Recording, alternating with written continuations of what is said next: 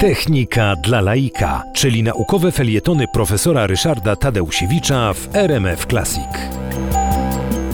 Ponieważ nowy rok zawsze prowokuje do tego, żeby zastanawiać się, co nas spotka, jaka nas przyszłość czeka, wobec tego porozmawiajmy o tym, jak nauka rozwiązuje problem prognoz przyszłości. Oczywiście trzeba powiedzieć, że o przyszłości wypowiadają się nienaukowo również bardzo wiele osób czy instytucji, na zasadzie rozmaite wróżby, jakieś tam odwołania do kalendarza Majów, jakieś tam historie na temat piramid, ale naukowo prognozy odbywają się metodą matematyczną. Te prognozy buduje się na zasadzie takiej, że buduje się z pewnych zdarzeń, które mają miejsce, tak zwane szeregi czasowe. Coś po czymś następuje i jeżeli poznamy zasady, poznamy reguły, w jaki sposób po tych wcześniejszych krokach, po tych wcześniejszych e, etapach następują kolejne kroki, no to możemy próbować prognozować.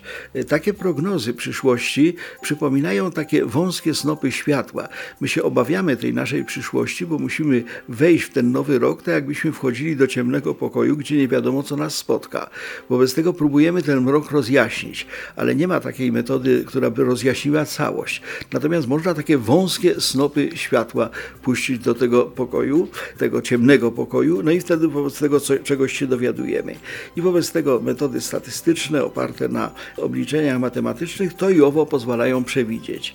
Niestety to przewidywanie jest zawodne, dlatego że udowodniono, że w matematyce istnieje zjawisko tak zwanego chaosu, chaosu deterministycznego. Chaos oznacza, że nawet jeżeli bardzo dokładnie matematycznie mamy opisane jakieś procesy, jakieś zjawiska, to przyszłość i tak jest nieprzewidywalna, bo okazuje się, że bardzo drobne zaburzenie warunków początkowych może dać zupełnie odmienne e, efekty końcowe.